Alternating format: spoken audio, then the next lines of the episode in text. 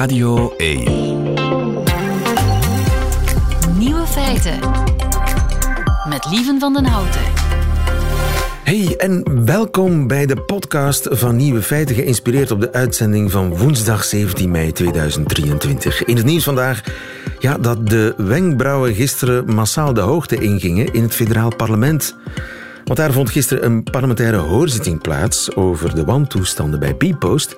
En vooral de banden tussen Bpost en een consultancybedrijf werden besproken. Vlaams Belang-Kamerlid Nathalie de Wulf die wist over welk consultancybedrijf het ging.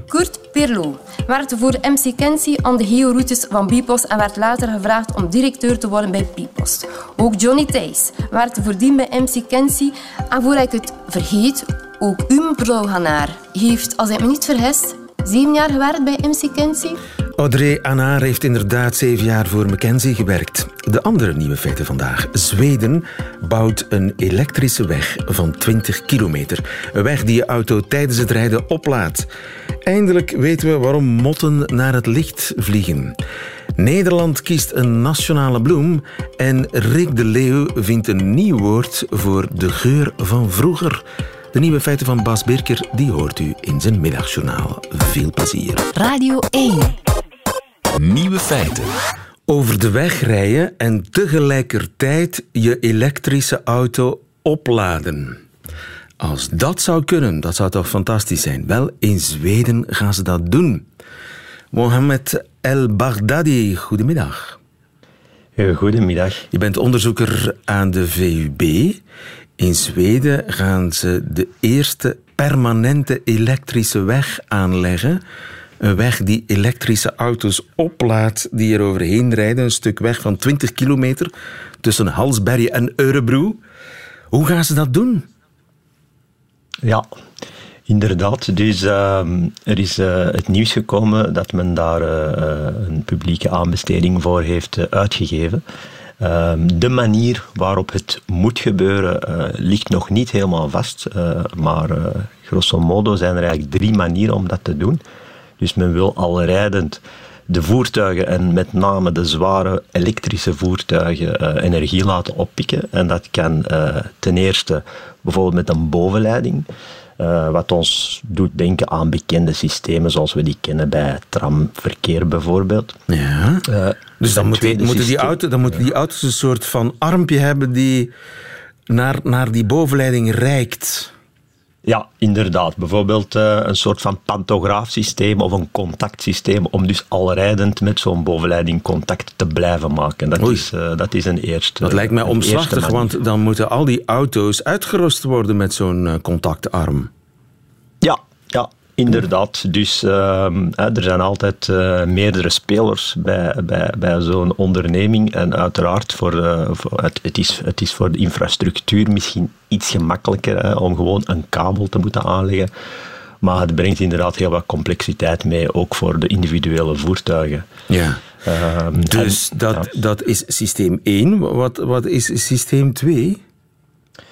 Wel, een tweede manier, um, en vooral ook als je uh, de vrije ruimte um, boven de voertuigen uh, niet, niet wilt gaan betreden, en uh, wat ook uitdagingen met zich meebrengt, en ook de veiligheid wilt verhogen, en je wilt het nog altijd conductief, dus met contact houden, dan is er een tweede manier om bijvoorbeeld in de weg zo een, een, een extra railsysteem te gaan verbergen. Dus, dus geen kabel, geen bovenleiding, maar zoiets weg te stoppen in het wegdek waarbij het voertuig dan bijvoorbeeld met, met een contactstaaf of met borstels die um, onder het wegdek contact maken met zo'n geleidende.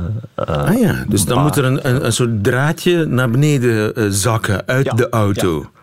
Voilà, zo kan je het zien inderdaad. En dat het zal wel iets meer zijn. sleept dan over de weg. Oei. Ja, ik kan ja, het mij ja. moeilijk voorstellen. Uh, vroeger had je zo, auto's hadden zo'n gummilapje. Het was dan zo gezegd bedoeld om de bliksem uh, af te leiden. Zie je niet meer. Ja. Vroeger kon je dat zien. Mensen, ik weet niet of dat ooit... Dat is een ander verhaal eigenlijk. We moeten dat eens uitzoeken misschien. Uh, wie dat uh, bedacht heeft en waarom dat niet meer gebeurt. Maar dus eigenlijk een gelijkaardig systeem. Dan moet dan iets in koper zijn of zo. Iets dat elektriciteit geleidt. Lijkt mij ook Ja. omslachtig. Ja, inderdaad. Dus uh, je hebt daar het voordeel opnieuw van het directe contact. Uh, maar uh, er zijn inderdaad uitdagingen rond veiligheid, rond onderhoud, rond wanneer je spreekt over slepen en bewegend contact, dan heb je ja. ook uh, slijtage enzovoort. Dus ja, dat zijn inderdaad enkele uitdagingen. En, en je moet daar, uh, je, sprak van een draadje, uh, natuurlijk, het gaat hier met name bijvoorbeeld om elektrische trucks, dus om flinke vermogens. Dus dat zijn wel geleiders die, die wat stroom moeten kunnen voeren ook. Ah ja, het gaat eigenlijk voornamelijk over vrachtwagens. Ja, dat is denk ik een eerste doelpubliek uh, van dit soort wegen. En ook dit project dat werd aangekondigd in Zweden. Uh, Om eigenlijk vooral de grote verbruikers, uh, de verbruikers ja. van, van grote hoeveelheden elektrische stroom, al rijdend die, die, ja. die energie te laten oppikken. Ze hebben overigens al eens een project hè, gedaan voor vrachtwagens, meen ik mij te herinneren. Ja, inderdaad. men heeft, er zijn zowel in Zweden als ook in andere landen, ook hier in Vlaanderen, eh, is er geëxperimenteerd geweest. Uh, verschillende pilootprojecten om al rijdend energie op te pikken. Uh, hier in Vlaanderen, een goede tien jaar geleden, met Flanders Drive, ehm, werd er bijvoorbeeld ook zo'n systeem ehm, eh, onderzocht. maar dat was niet met contact, hè? Dus, dus dat was eigenlijk een draadloos systeem. En dat is nu eigenlijk ook nog een optie, dat is een derde manier. Draadloos, dat lijkt mij interessanter. En hoe werkt dat dan? Ja, dus het draadloze systeem uh, dat werkt op het principe van magnetische inductie. Uh, dus, uh, en wat, wat heb je dan eigenlijk? veel mensen kennen wellicht een transformator of eenvoudige systemen zoals de elektrische tandenborstel die wij wel kennen. daar heb je eigenlijk dat je een primaire spoel, dat je die voedt met elektriciteit en dat eigenlijk over een luchtspleet elektromagnetische energie wordt overgedragen naar de secundaire zijde van Zoals je tegenwoordig je eh, telefoon ook oplaadt. Hè. Je hebt, je hebt zo toestelletjes waar je je telefoon oplegt en die maakt contact en zo laat die, laat die op. Dat systeem dus. Inderdaad. dus. Ja, dat systeem en dan op uh, ja, voor flink hogere vermogens, uh, zodanig dat, dat die voertuigen vooruit geraken. En dat heeft als voordeel dat je dus uh, geen, geen contact hebt tussen, de primaire, uh, tussen het primaire circuit en het secundaire circuit. Dus het ene is dan ingebed in het wegdek en het secundaire, het, het, de ja. pick-up unit, die zit dan eigenlijk in, in het voertuig. Het gaat door de lucht eigenlijk, hè? Het gaat inderdaad door de lucht en uiteraard, dat, dat, is, dat is altijd een afweging. Dat heeft ook uiteraard zijn voordelen. Het is weggestopt, het is veilig. Mensen eh, maken zich geen zorgen om elektrocutiegevaar, bijvoorbeeld. Ehm, of, of systemen die, uh, die kunnen aangeraakt worden. En, uh, dus, dus dat is een heel handige manier. Je vervuilt daar ook de omgeving niet mee om te zeggen, bijvoorbeeld uh, visuele vervuiling, dan bijvoorbeeld om met over uh, bovenleidingen te gaan werken en allerlei kabels en ja, allerlei dus systemen. Dus, dat zit dan mooi. Als, als ik kan kiezen, kies ik voor inductie. Ja, ja effectief. Uh, dat is zeer interessant. Uh, maar het is een afweging. Uh, zoals gezegd, er zijn heel veel spelers. wat, wat is het nadeel van inductie? Er moet dan ook een nadeel zijn. Anders was de keuze duidelijk. Ja, inderdaad. Er zijn verschillende voordelen. Uh, dus uh, ik heb al opgenoemd het feit dat het iets weggestopt, het feit dat het niet zomaar kan aangeraakt worden. Ook andere voordelen, zeker op langere termijn, is dat uw voertuig eigenlijk altijd heel gemakkelijk geconnecteerd kan zijn met het energiegrid. Uh, vooral het energiegrid van de toekomst. Dat levert zeer veel voordelen ook om uitwisseling van energie makkelijk en permanent te maken. Ja, uw batterijen kunnen, ook, uh, batterijen kunnen ook minder worden natuurlijk als, stel dat in de toekomst het hele wegen daarmee uitgerust is, ja, dan, dan, dan moet je minder, heb je minder grote batterij nodig. Want je haalt eigenlijk permanent je energie uit de grond. Ja, dat is dus een van de argumenten. En dus die projecten uh, die spreken ook vaak van continu elektrisch rijden. Uh, dus je hoeft eigenlijk niet meer uh, in te plannen dat het voertuig verplicht is stil te staan om een laadbeurt te doen. nu, dat kan al vrij snel. Hè. bij hoog vermogen kan je op zeer korte tijd laden. maar dus dat valt dan weg. Ja. Dus de keerzijde is natuurlijk dat dit wel uh, grondig wat... wat uh, het is een complex systeem. Ja. Je moet dan bijvoorbeeld ook je moet dan de, de wegenbouwers erbij betrekken. Ja. je moet ook in de voertuigen moet je dan alle voertuigbouwers mee hebben. Dus het vraagt wel wat afstemming en het is zoals met elk systeem een afweging van de voor- en de nadelen. Ja, het vraagt meer investeringen natuurlijk. Hè? Uh, zowel bij de auto's als bij de wegen. Heb je heel veel verlies, uh, energieverlies bij die overdracht van de grond via de lucht naar de voertuigen? Wel, het is natuurlijk, hè, je, hebt, uh, je hebt niet het voordeel van het directe contact, hè, dus een directe koper, koperverbinding. Dus uh, onvermijdelijk heb je wat verliezen, maar die efficiënties uh, zijn, zijn vrij goed. die kunnen tot hoog in de 80%, 90%, ja, ja. dicht bij de 90%. Dus het is een zeer mooi systeem en in zijn geheel is het zeer interessant. Ehm, en het is ook zeer interessant en vooral ook uh, de pilootprojecten en de uitrol, die kijken daar ook bijvoorbeeld naar om dat te gaan toepassen in specifieke toepassingen waar er bijvoorbeeld vraag naar is. Als je een rij elektrische taxis hebt aan de luchthaven bijvoorbeeld, die, uh, die voortdurend uh, bewegen, enkele meters vooruit schuiven in de rij bijvoorbeeld, is het zeer handig en zeer praktisch dat je eigenlijk draadloos bent aan het opladen. Ja. En dan zou je bijvoorbeeld met een, met een kabel veel moeilijker praktisch te werk kunnen gaan. De hele wereld kijkt naar Zweden, waar ze weer een pilootproject starten om deze keer 20 kilometer snelweg tussen eh, Halsberg en Eurebro om dat uh, elektrisch te maken, zodat elektrische voertuigen rijdend kunnen opladen. We zijn benieuwd hoe ze dat gaan doen. Mohamed El Baghdadi, dankjewel. Goedemiddag. Dank u wel. Goedemiddag. Het ontbreekwoord.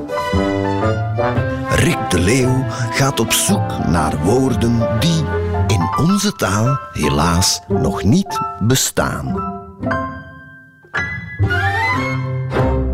En we steunen hem daarbij massaal natuurlijk. Rick de Leeuw zoekt uh, nieuwe woorden, altijd op woensdagmiddag. Goedemiddag, Rick. Goedemiddag.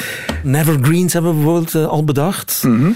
Muziek die nooit geschreven zal worden door uh, de te vroege dood van een artiest. noemen ze een ander woord? Verstekvreugde? Een soort Nederlandse vertaling voor relief of missing out. Dat je kapot blij... verbeteren. Kapot verbeteren was een goeie. Aha. Overouderen. Overouderen. Ruud Hendricks, ook een goede middag. Goedemiddag, heren. Uh, de uh, hoofdredacteur van Vandalen, jury van deze zoektocht. En ja, de ideeën komen natuurlijk uh, van de luisteraar van Radio 1. Naar welk woord zijn we vandaag, of gingen we de voorbije week op zoek, Rick? We waren op zoek naar een woord voor de geur die plots een herinnering oproept. Juist, en je ja. heel eventjes terugvoert naar een lang vervlogen tijd. Dat, dat vleugje parfum dat je weemoedig doet denken aan een vergeefse liefde. De geur van natte jassen die de lange gangen van de middelbare school doen herleven. Dat soort geurtjes. Oké. Okay. En was er veel respons? Het heeft inderdaad nogal wat losgemaakt bij, bij de luisteraars. Honderden, werkelijk honderden en honderden inzendingen. Wow. Veel dank voor al dat moois. Een kleine greep als het mag. Een regressiegeur, mijmergeur, weleergeur, erfgeur, proestgeur, oergeur, hartgeur, heimgeur. Maar ook geurkalender, geursprong, geurbeeld. Of wat te denken van het schitterende begeurtenis. begeurtenis. En dat is dus allemaal nog niet eens het top 7. Nee, de creativiteit vierde hoogtijden voorbije dagen. Werkelijk okay. schitterend. Schitterende vangst ditmaal. Top 7 dan maar. De top 7. Uh, Thomas Kallewaard komt met Melangodeur. Dat vind ik al goed. Melangodeur. Oei. Ja. Nee, nee, nee. De nee, mondhoeken gaan naar beneden. Oh, oh, nee, nee, nee, nee. Wat is nee, het nee, probleem? Nee, nee, nee, ja? Wat is het probleem? Helemaal niks. Helemaal niks. Uh, ik, ik, was me de hele tijd al aan het afvragen of, of een woord odeur in het Nederlands een negatieve betekenis heeft, een bijklank. Maar ik denk het niet. Hè. Nee. Okay. Nee. Niet peratief, nee. Nee, nee hè? Je moet nee. hem niet uitleggen, maar ik vind hem goed. Nee. Oké, okay, nummer twee. Nummer twee. Let op. Uh, Geert de Cresson, Katrien Pallemaerts, Gilles de Groot, Monique van Haren, Yves Indebergen en, let op, 26 anderen, okay. onafhankelijk van elkaar, kwamen met neustalgie. Nostalgie. Hmm. Okay. Ik vind hem een beetje grapdwang. Sorry Ja. voor alle in, in neustal. Ja. Ik denk, Ja. de, als de mop eraf is, dan... Bij mij klinkt het eerder als een ziekte. Dus, ah, ik heb nostalgie. Ja. Ja, ja. nu en... en en- Wat maar- zie je maar- eruit, jongen? Ja, een beetje dat last klopt, van. hè. Dus een, een heleboel Oké. ziektenamen eindigen op algie. Eh, trouwens, nostalgie ook. Hè. Dat, heeft ook, eh, dat betekent ook... We moeten een beetje opschieten, want Ja. de klok tikt. Sorry, Geert Bonne, Guido van der Wiel, Inge Laarmans, Mark Huilenbroek en maar liefst 58 anderen Nostalgeur. Nostalgeur. Het zusje van de nostalgie. Melancodeur. Ja. De melancodeur. Eh ja. Nostalgie, nostalgeur. Nostal- Ja. Niet slecht. Nee, nee, niet slecht. Absoluut niet. Met potlood genoteerd. Koen de Maaschalk komt met het Madeleine-moment. Een Madeleine moment. Dat vind ik mooi. Mooi, hè? Dat is heel mooi, maar het enige is, dat is geen geur, hè.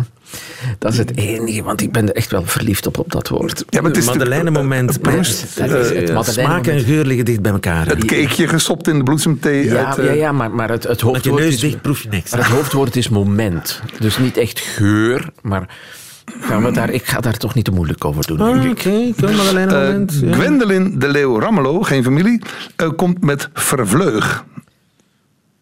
Ja, zoals vervlogen. Ja, ja. met een vleugje. Ja, dat zit er ook in. Ja, Ik voel hem wel. ja oké. Ja, Ja, ja, ja. het, het is een... eh, het is een doordenker voor mij.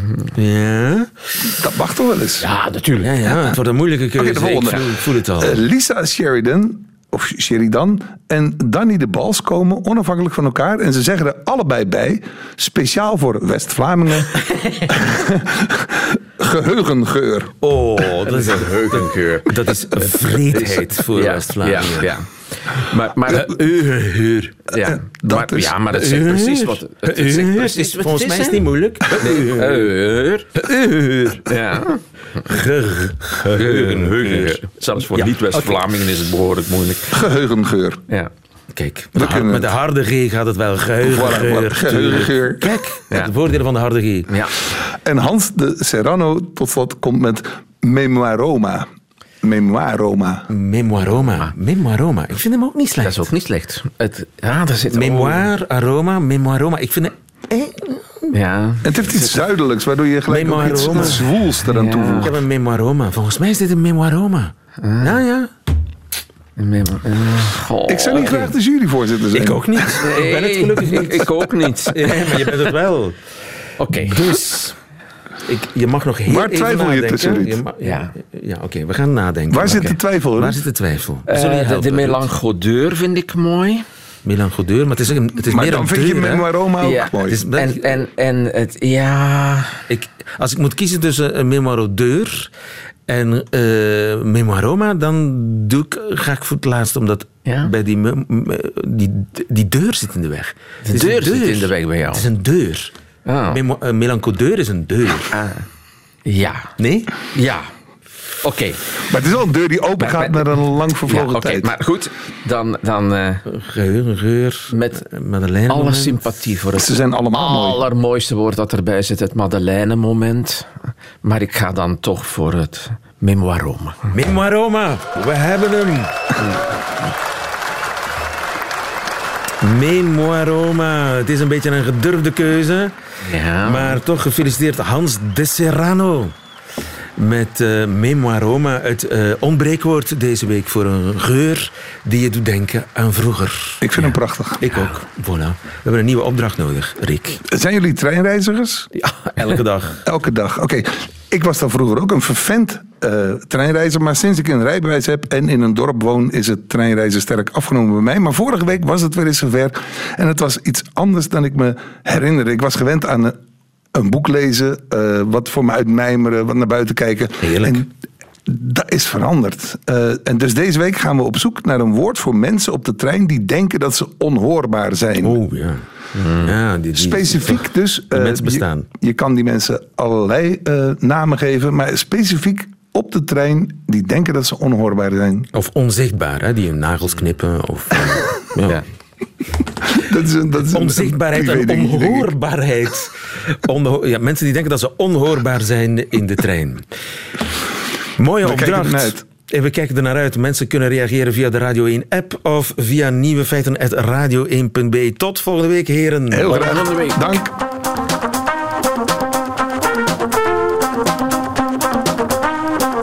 Nieuwe feiten.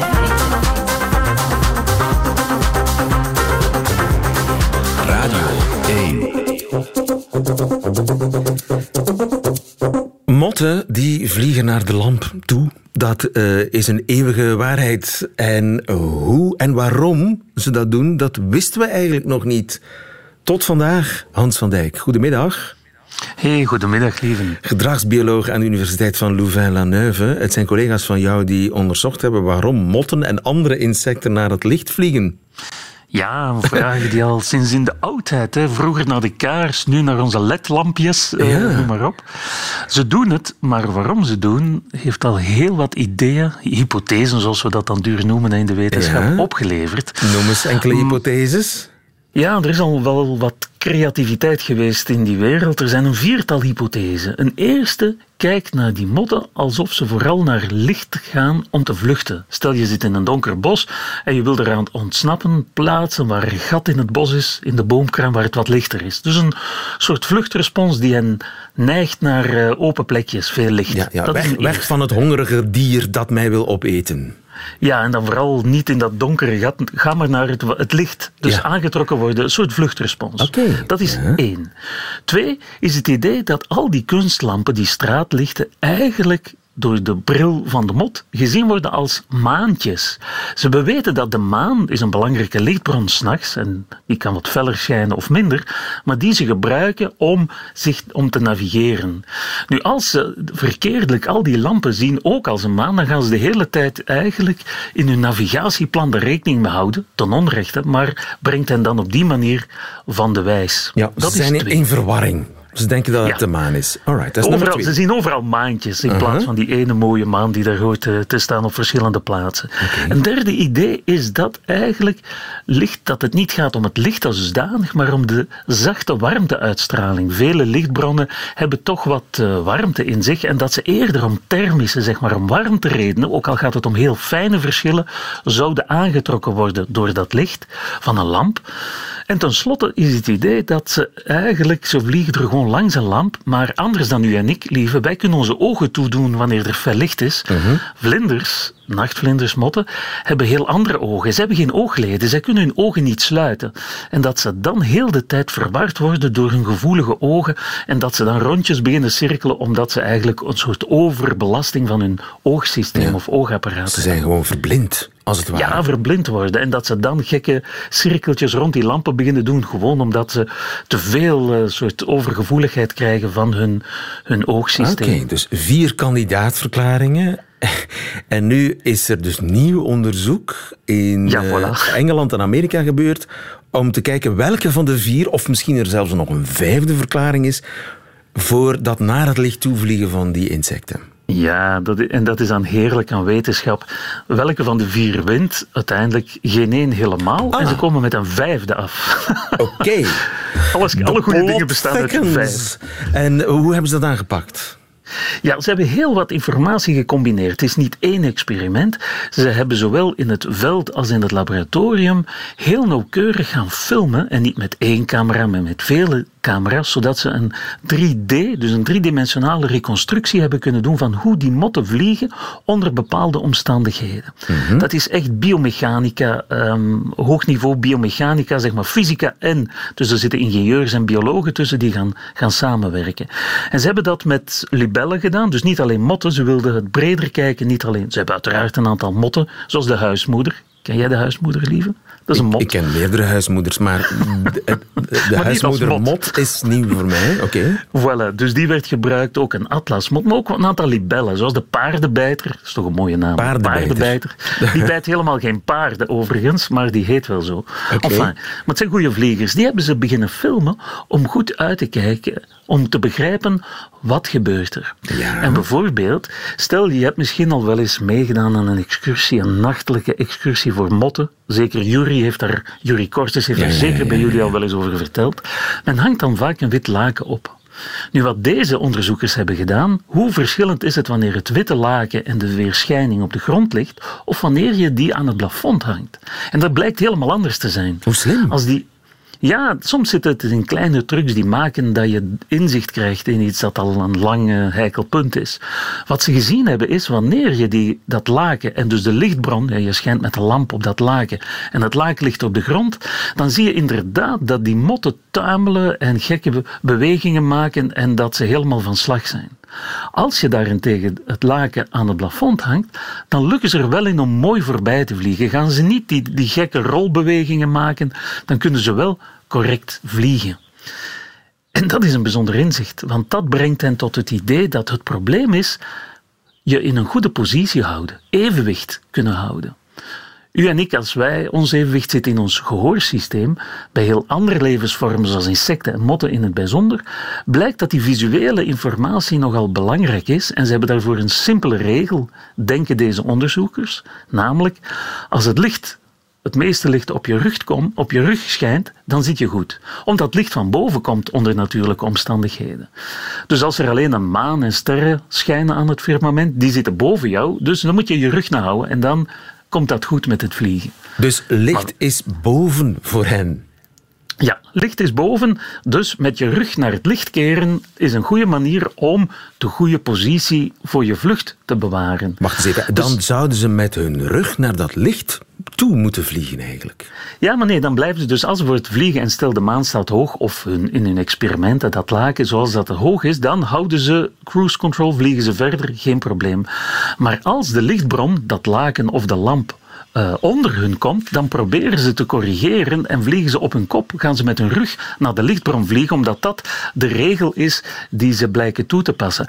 En natuurlijk een tijdje op je kop vliegen, manoeuvreren kan heel even gaan, maar dan loopt het mis en dan belanden ze tegen die lamp, belanden ze onder de lamp en zijn ze helemaal uh, van slag. Ja. En dus dat, moet dus ook op die beelden te zien zijn geweest, hoe ze iedere keer hun rug naar die lamp proberen te houden. Precies. En daarom is die 3D-opname met high-speed camera's, ze hebben er nogal wat technologie... Camera's... Camera's. Camera's? camera's gebruikt. Ja, de camera's. Het is Amerikaans onderzoek ook.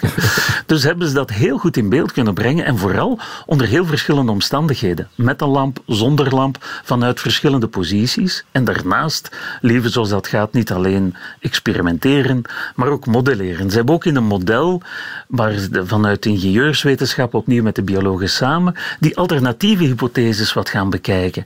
En dan konden ze eigenlijk één voor één die andere vier uitsluiten met in hun simulatiemodel waar dat ze zeggen van kijk, stel dat het toch de maan is die op een plaatje staat, hoe zou dat uh, wat zou dat voor gevolgen hebben voor hun vliegpatronen?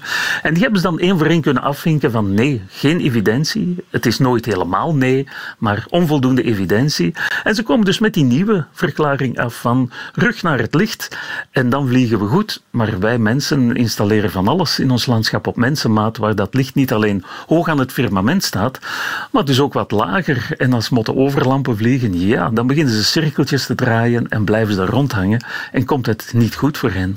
Eindelijk duidelijkheid, eindelijk opgelost. Dat geeft uh, een goed gevoel. Dankjewel, Hans van Dijk. Goedemiddag.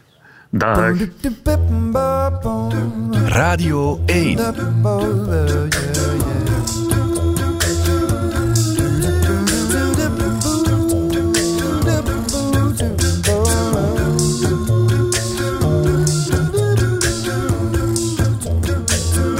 Nieuwe feiten.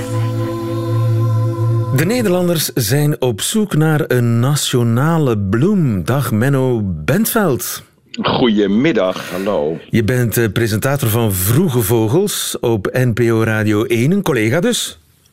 Zeker, ja. En ja, ik klopt. wist het helemaal niet, maar wij Belgen, wij hebben er alleen een nationale bloem. Jazeker, dat is, ja, ik weet niet hoe lang die al bestaat, maar dat is heel lang, lang geleden kennelijk al bepaald. Dat is de, de, de klaproos, hè? Prachtig, ik wist het niet, maar Ja. we hebben de klaproos als nationale bloem.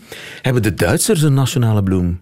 Eh, ja, die hebben de korenbloem. Ook zo'n prachtige bloem, dat blauw. Maar die klaproos van jullie is natuurlijk ook fantastisch, hè? Ja. Ja, zijn de- we, eigenlijk zijn we daar wel een beetje jaloers op. Want Ja. wij hebben dus geen nationale bloem. En daarom dus die verkiezing. Ja, ja, ja, samen met een aantal partijen, universiteiten en de Koninklijke Bibliotheek hebben we bedacht, eh er moet maar eens een verkiezing komen. Dan kan iedere Nederlander meestemmen. Eh, mag de eh, tulp meedoen, Menno? Nee, ja, nee. De, de, de tulp, die staat natuurlijk op onze bollevelden. En daarmee zijn we wereldberoemd. Want zeg Nederland, zeg tulp. Ja. Maar ja, dat is een gecultiveerde bloem. Die wordt verbouwd. die komt oorspronkelijk ook uit, uit Azië zelfs, via Turkije.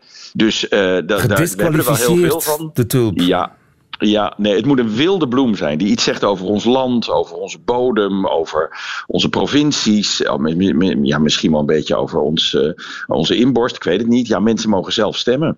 Ja, en is er een, een longlist of een shortlist? Of eh, Ja, wordt er in het wilde eerst gestemd? een, eh, Nee, we hadden eerst een longlist, bepaald door nou ja, een heleboel deskundigen. 40 bloemen, mochten mensen de afgelopen week op stemmen. En daar is nu een shortlist uitgekomen met vijf bloemen. En nu mag iedereen stemmen om, ja, om één bloem te kiezen. En daar win, rolt dan een winnaar uit. Wauw. En die shortlist, vijf bloemen, noem ze eens.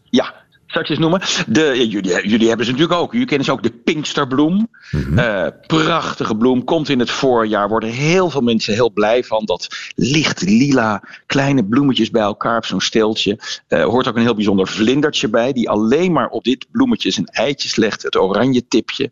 Prachtig bloemetje. Ja, een van mijn favorieten. De, uh, de, paar, de paardenbloem. Paardenbloem? Veel gewoner misschien, want het wordt door heel veel mensen ook als onkruid gezien en uit hun tuin gesleurd. Foei. Uh, maar belangrijk voor heel veel insecten. Uh, het is een prachtig bloemetje. Het zijn eigenlijk heel veel bloemetjes bij elkaar. Um, een composiet noem je dat. Dus je ziet oh. eigenlijk honderden bloemetjes en dan, eh, ja, dan staat er gewoon één paardenbloem. Dus um, een hele bijzondere bloem, terwijl heel veel mensen hem doodgewoon vinden. De Franse naam, die is eigenlijk veel mooier, Dans de Lion. Of in het Duits zeggen we leu, Leuwenzaan. En bij ons heet hij gewoon paardenbloem. Ja. Terwijl ja, paarden hebben er eigenlijk niks van. Ja, Madeliefje staat er ook. Madeliefje, terecht. Ja, heel simpel, doodgewoon bloemetje ook. Ze staan op heel veel plekken. Hij, hij, hij, hij vouwt zijn blaadjes dicht als een soort paraplu s'nachts. Um, en als er regenopkomst is, om ze, zijn nectar en zijn stuifmeel te beschermen. En als dan de zon door weer doorbreekt, dan staat hij plots weer te stralen. Ja. Heel mooi, heel mooi simpel bloemetje. Um, de wilde kievitsbloem. Die ken ik niet. Die hebben jullie vast ook. Ja, ja dat is zo'n. Die hangt zo ondersteboven als een soort hele mooie lampenkap. Je hebt ze paars met allemaal stippeltjes. Oh, en, en in het wild, in het wit. Um, ze, ze, zijn hier ook wel bekend als de, de, de, de goudse tulp of de zwolse tulp. Ja, dan toch een klein beetje een tulpachtig iets. Misschien mag dat hem een wel soort tulp. tot kanshebber. Ja, hij is echt wonderschoon. En nummer vijf? En dan als laatste het fluitenkruid. Ach. En bij ons in Brabant en misschien ook wel in Vlaanderen bekend als wilde kervel. Nou goed, heel hoog uh, langs de velden en wegen, um, uh, vaak ook langs, nou ja, langs, langs wegen staat hij. Fluitenkruid, heel veel prachtige naam. Heb jij ja. een persoonlijke favoriet of moet je neutraal blijven? Uh, nou, ik had een favoriet, maar die is al afgevallen. Oei. dat was Riet. Gewoon riet? Heel veel mensen denken, wat is dat nou voor simpels? Riet, maar riet maakt land. En Nederland is natuurlijk uit de klei en uit de zee en uit het veen omhoog getrokken. We wonen natuurlijk op een zompig landje. En dat riet, dat, dat, dat draagt eraan bij dat dat land bestaat. Maar goed, riet is afgevallen. Ik, uh, heb ik een voorkeur? Ja, wel ja, want ik, ik, ga er niet over. Ik zit ook niet in een jury of zo. De, de stemmer, de kiezer bepaalt. Ik, uh, ja, ik vind de Pinksterbloem de wel Pinksterbloem. fantastisch mooi. Ik, ja. Daar ben ik het helemaal ja. mee eens. Mag ik meestemmen eigenlijk? Of moet je in de, binnen de nou, Nederlandse grenzen wonen? Uh, nou, dat is een hele goede vraag. Oh. Ik zou gewoon stiekem meestemmen. Stiekem meestemmen. Maar het is de Nederlandse nationale bloem. Dus ja, nou ja, nationalebloem.nl. Nationalebloem.nl. mensen die, die heel stiekem willen meestal. Misschien ja. is dit het begin van een rel, een diplomatieke rel tussen de beide landen, maar ik hoop van niet. Nou, we zullen eens kijken. Mag ik je heel veel succes wensen met de stemming voor Nationale ja, Bloem Nederland. Menno Bentveld, dankjewel. Goedemiddag. Oké. Okay. Nieuwe feiten. Radio 1. En dat waren ze, de nieuwe feiten van vandaag, 17 mei 2023. Alleen nog die van Bas Birkers, die krijgt u nu in zijn middagjournaal. Nieuwe feiten. Middagjournaal.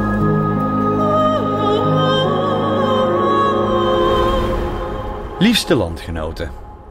Alles heeft een einde, alleen de worst heeft er twee. Deze belangrijke levenswijsheid vindt zijn oorsprong in een Duits lied uit de vorige eeuw. Natuurlijk. Net als menig acteur in het volwassen segment weten ook Duitse taalkundigen: als je ergens een worst in kan stoppen, moet je het doen.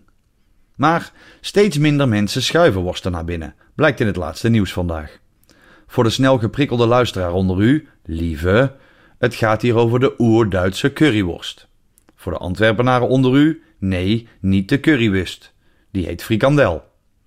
De curryworst is een, wel ja, worst overgoten met te veel saus op basis van tomatenpuree, worcestersaus, currypoeder en suiker. Daaroverheen wordt dan een halve indier aan currypoeder gesmeten en voilà, Duitse cuisine in optima forma. Het heeft een reden dat kuche en kuche maar twee puntjes verschillen. Ik denk dat die puntjes creativiteit en smaak zijn. Begrijp me niet verkeerd. Ik heb me vaker dan eens bezondigd aan zo'n vette hap op een kartonnetje. Maar als ik dan toch eerlijk ben, was ik op die momenten in een dermate discutabele staat dat ik zelfs de Nederlandse keuken culinair had durven noemen. Mmm, een vleeskroket, 10% dubieus draadjesvlees in roe en paneermeel. Doe er anders nog een mislukte sandwich omheen, dan is het echt af.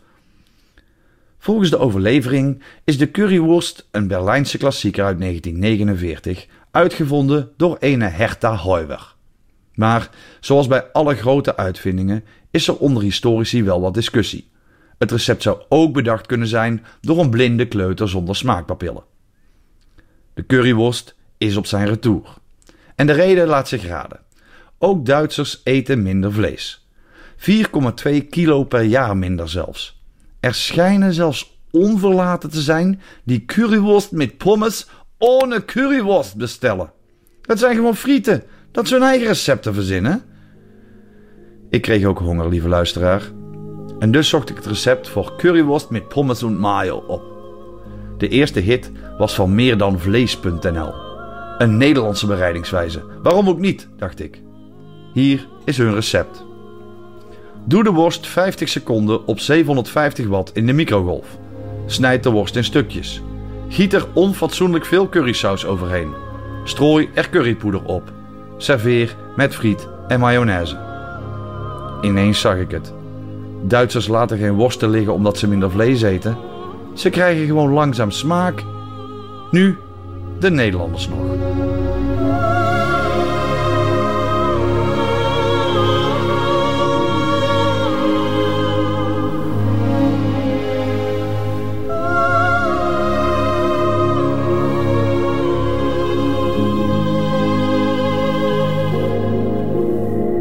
Het middagjournaal met Bas Birker. Einde van deze podcast. Hoort u liever de volledige nieuwe feiten met de muziek erbij. Dat kan natuurlijk elke werkdag live op Radio 1 tussen 12 en 1. Of on demand via de Radio 1 app of website. Tot een volgende keer.